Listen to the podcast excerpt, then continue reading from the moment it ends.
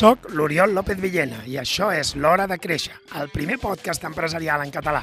Cada setmana parlem de com desenvolupar estratègies de creixement i executar prioritats per assolir els teus objectius. Segueix escoltant si busques idees, històries i experiències que t'ajudin a gaudir d'un negoci més rendible i divertit de dirigir. Som-hi!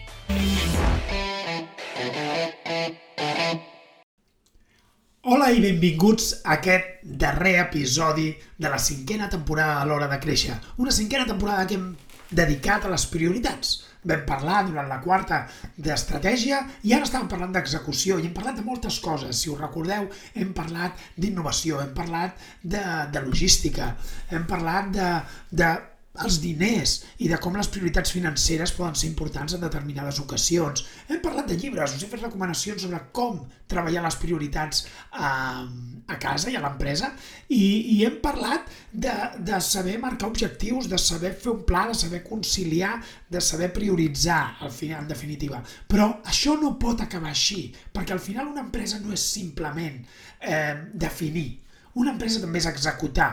D'acord? Hi ha dos estadis.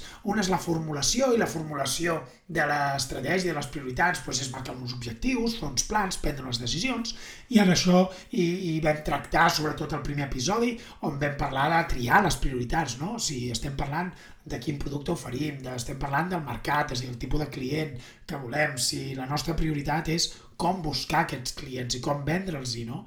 O si la prioritat és l'entrega, la producció, la logística, o les persones, la retenció del talent. Uh, fa uns dies parlava amb un, amb un client que té un seriós repte amb això perquè vol prevenir la fugida de talent eh, i per tant aquesta pot ser una prioritat. També el de com afegir més valor als nostres clients, ja sigui a través del producte, de la innovació en el producte o també de la innovació o de, o de simplement la relació, el crear comunitat. Pot ser que la prioritat siguin els diners, aconseguir beneficis, o pot ser que la prioritat sigui marxar i vendre, el que sigui. Però definir les prioritats és un primer pas per fer que tot això passi. No? Un segon pas seria planificar-ho, què cal fer, quin és el proper pas, com hi arribaràs, com sabràs que t'hi estàs acostant, de tot això en vam parlar al primer episodi. I per últim, seria passar a l'acció, que aquesta és la part realment que marca la diferència, perquè definir prioritats, formular estratègies, podríem dir que és relativament simple. No diré fàcil, però és relativament simple. Tots ens atrevim a dir on volem anar, què volem aconseguir. Però no és tan fàcil fer que tot això sigui, es faci realitat. D'acord? I aquí és on entrem en l'acció. I, i l'acció ja necessita d'alguna cosa més. Necessita d'estructura, de sistemes, d'hàbits, de processos, d'acord? Però també necessita de, de disciplina i aquí és on comencen a fallar les coses, perquè si jo us digués un mètode de cinc passos per centrar-vos en les prioritats, potser semblaria que ho aconseguiu, però després, qui ens diu si això ho fem o no? Us heu trobat alguna vegada que heu marcat clarament el que voleu fer, però després començou a procrastinar? Suposo que sí, perquè a tots ens ha passat. Ara estem a inicis d'any més o menys i ens vam marcar objectius molt grans per aquest any 2022, d'acord? Però Pot ser que ara mateix penseu que hi ha alguns objectius que ni tan sols heu començat a treballar. I això vol dir que no és només una qüestió d'estructura, de sistemes, de processos, sinó que és una qüestió de disciplina i de control i de mentalitat. I, i crec que aquesta és la part més important de, de l'execució, d'acord? Que és el lideratge, l'entendre que com a empresaris no heu d'estar fent les coses moltes vegades, sinó que us heu d'estar liderant-les. Si sou autònoms, aquest liderar i aquest fet s'ajunten una sola persona o no, perquè podeu tenir col·laboradors. Però, en canvi, si sou empresaris que teniu gent a càrrec, llavors heu d'entendre que per créixer vosaltres com a empresaris, per fer créixer l'empresa, necessiteu fer créixer l'equip, i no en número de persones, sinó en fer-los créixer professionalment. I això vol dir liderar-los més que no resoldre'ls els problemes. Per tant, avui parlarem de lideratge i parlarem de lideratge a través de quatre eh, aspectes molt concrets que crec que són importants, sobretot en els temps que corren, i que ens permeten eh, centrar-nos realment en les prioritats. El primer factor important és que menja't primer les postres. No sé vosaltres, a mi, jo, a mi m'agraden les postres. M'agrada tant la fruita que m'encanta. Per exemple, quan estem en època de taronges, sóc un fanàtic de les taronges. L'altre dia els meus fills em preguntaven quina era la meva fruita preferida. Vaig dir la taronja, una bona taronja. No sé si serà perquè sóc fill de valenciana, però una bona taronja supera qualsevol fruita. I podem discutir-ho, però seguirà sent la taronja la millor. D'acord? Eh, per tant, menja primer les postres, fins i tot si és un pastís. I això què vol dir? Vol dir que quan pensem en l'empresa, sempre imaginem com un organisme que no té res a veure amb nosaltres, però això no és ben bé cert. Quan ens ha passat alguna cosa eh, complicada a casa o quan no estem passant els millors, el nostre millor moment, és aquell moment en què entenem que no estem fent la feina que toca. Us heu trobat mai que sou menys eficients quan us preocupa alguna cosa personal o simplement sou menys eficients o sou menys o us concentreu pitjor quan teniu algun assumpte que, que es mou o quan no esteu fent l'esport. Doncs a això em refereixo. Em refereixo a pensar en tu, en pensar internament, en, en, en els avions, quan hi puges i et donen les instruccions de seguretat. Hi ha una instrucció molt clara, no? que és que si hi ha una despressurització a la cabina i cauen les mascaretes i tu tens els teus fills petits al costat, quina és la instrucció que donen? A qui has de posar primer la mascareta? I si ho recordes bé, diuen que primer te la posis a tu mateix. No pots ajudar els teus fills si no t'ajudes a tu mateix. I el mateix passa amb l'empresa. No pots ajudar l'empresa si no t'ajudes a tu mateix. I no pots ajudar els clients si no ajudes primer l'empresa. Per tant, pensa, pensa sempre en aquest, en aquest factor. Menja primer les postres, agraeix el que tens. Tenim la sort de viure en llibertat. Eh, agraeix la salut que tens, agraeix la família en primer lloc. I acte seguit, posa't a l'agenda, bloqueja el temps per tu. Si t'agrada fer un esport, bloqueja temps per fer-lo. Si t'agrada llegir, bloqueja temps per llegir. Si t'agrada anar a veure els teus fills jugar a tennis o fer qualsevol altra activitat, bloqueja temps per fer-ho.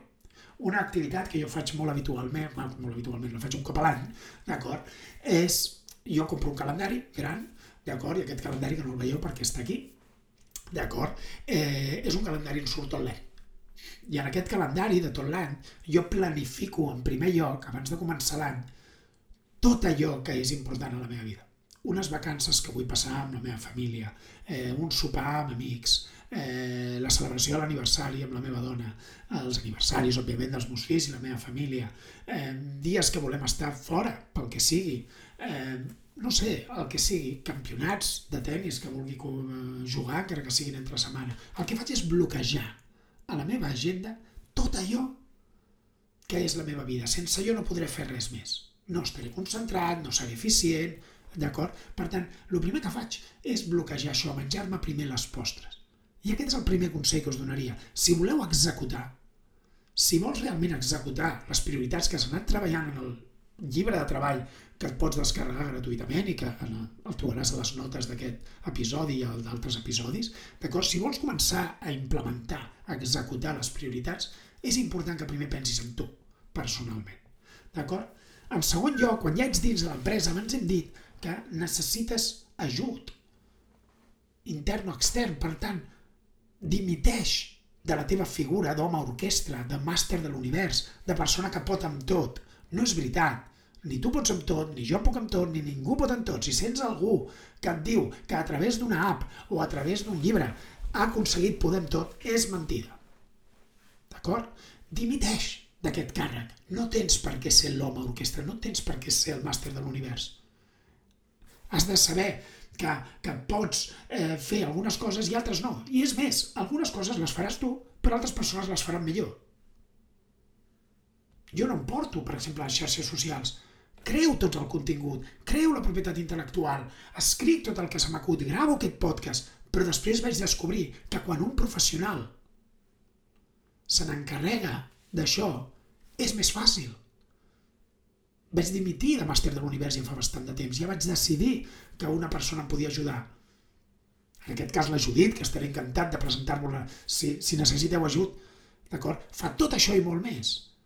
Això és dimitir de màster de l'univers. És recolzar-se en el vostre equip, ajudar-los eh, a créixer. Com? Delegant-los feines. N'hem parlat aquesta temporada i hem parlat de lo important que és la de, el delegar. I, I com delegar no és simplement passar eh, eh feines a la babalà, sinó que és preparar la persona, explicar-li el motiu, d'acord? I és important que deleguem. I, i deleguem perquè no volem donar un fa, uns missatges erroni als nostres treballadors. No volem, volem dir al treballador que no val per fer aquella feina tan important, que aquella feina només la fem nosaltres, que som els bons, els que en sabem. I a més l'altre missatge que li donem és eh, lo divertit m'ho quedo jo, lo important m'ho quedo jo, tu et deixo la morralla. Per tant, delega, delega, delega presa de decisions, delega acció.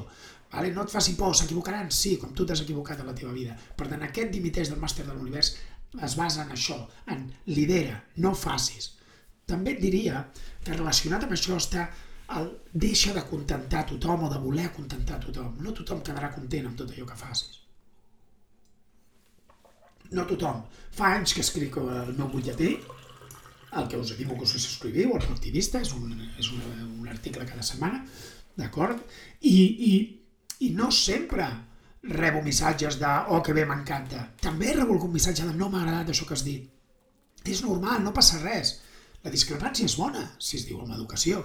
I, i tampoc t'has de obsessionar ni bloquejar perquè a algú no li agrada. Recordo una de les meves primeres xerrades davant de no sé si hi havia 400 persones, i era una, diria que era una, la primera o la segona vegada que parlava en públic.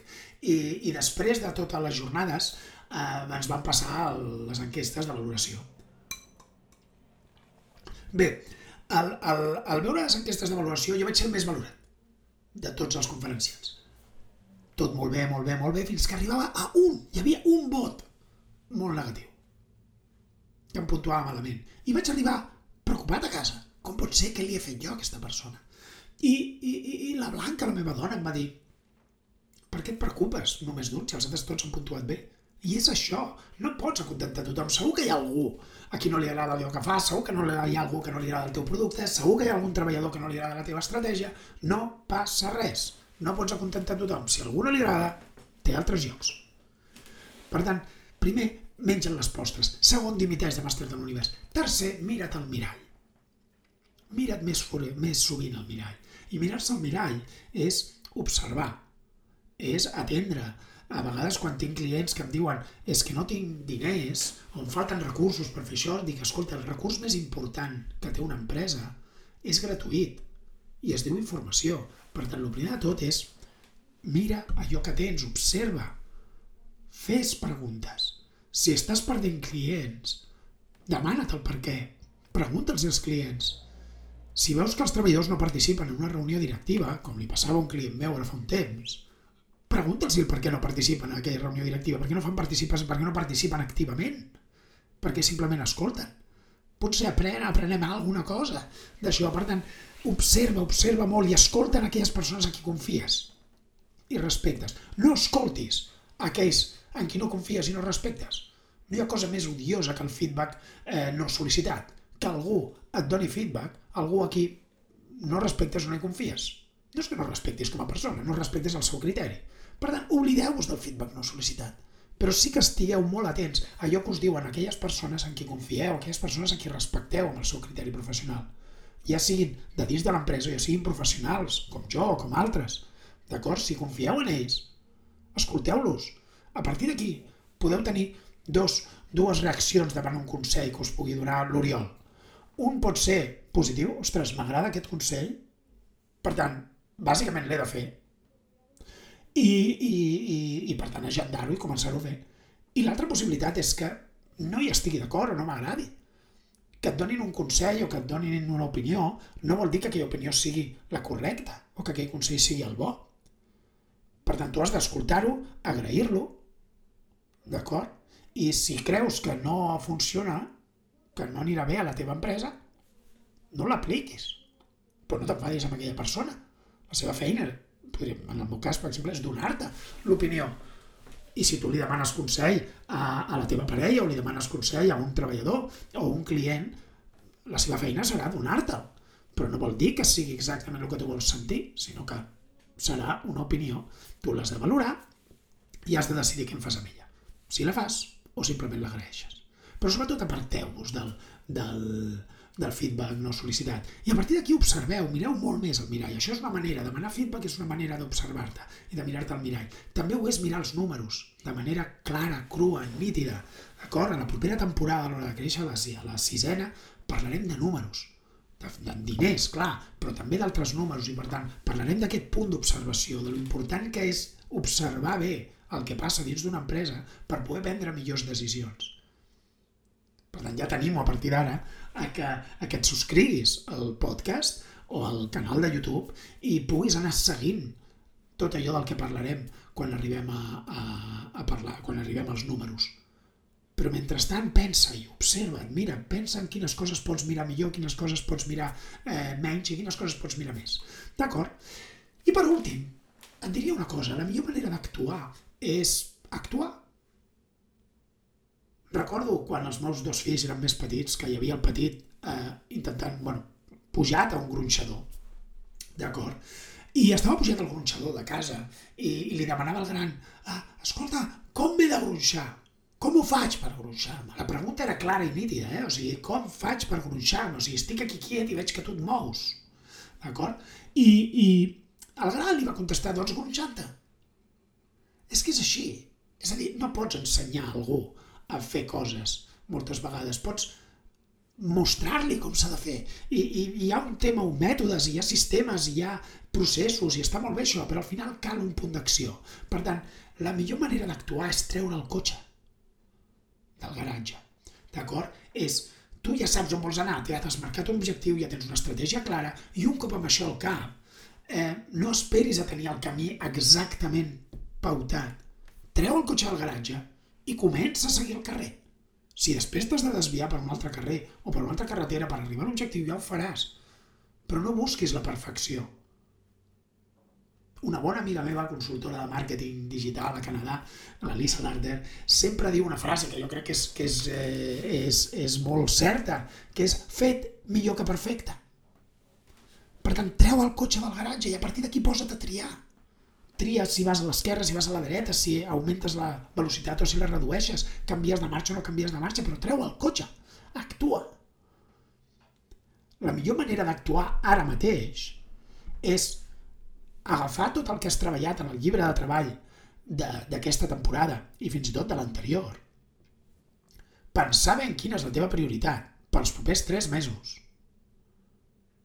Definir de quina manera els duràs a terme, o sigui, quins sistemes utilitzaràs si la teva prioritat és vendre més i una de, les, una de les eines pot ser aconseguir nous clients, però una altra de les eines pot ser eh, vendre més als clients actuals. No sé, imaginem aquestes dues eines, no? Unes... Llavors, a partir d'aquí digues, vale, però com venc més? Com aconsegueixo més clients, per exemple? Ostres, doncs una cosa que puc fer és demanar referències als meus clients ideals i preguntar-los si coneixen algú més a qui puguem ajudar. Doncs aquesta és una manera, això és una eina, d'acord? Per tant, marqueu eines i a partir d'aquí Definiu accions diàries que podeu controlar cada dia o cada setmana. Per exemple, tenim, jo tinc un client que té una botiga, té una llibreria. D'acord? Aquesta llibreria què mesura cada dia? Mesura quanta gent entra, quanta gent compra i quina és la compra mitjana. Quina és l'acció diària que han de fer? Han de preguntar-se què farem durant les properes 24 hores o durant el proper torn per, perquè entri més gent, perquè compri més gent i perquè compri més quantitat. Això són preguntes que porten a l'acció. Ha estat un veritable plaer fer aquesta temporada sobre prioritats, perquè crec que fins ara s'havia parlat molt de molts temes empresarials, però poques vegades es tracta el, el com fer-ho possible. Es parla molt del què i del per què, són molt macos, molt atractius, però no es parla del com. Crec que en aquesta temporada hem parlat bastant del com. Tot i així, si teniu propostes, si teniu preguntes eh, perquè jo pugui tractar, perquè us pugui respondre, l'únic que heu de fer és enviar-me un e-mail a oriol.oriolopez.com i cada dues setmanes les respondré al, a, a l'hora de créixer en un episodi en col·laboració amb el programa de la primera pedra RAC1 amb qui responem aquest qüestionari. Per tant, no tinguis vergonya, envia'm la pregunta. Cap problema. A partir d'aquí, us espero la setmana que ve per respondre una pregunta molt clara què passa quan la prioritat són els diners. I sí, dic els diners, no passa res. A vegades ens fa com vergonya parlar de diners. Doncs parlarem de diners. I la propera temporada encara en parlarem més. Moltes gràcies per escoltar-me. Us espero el proper.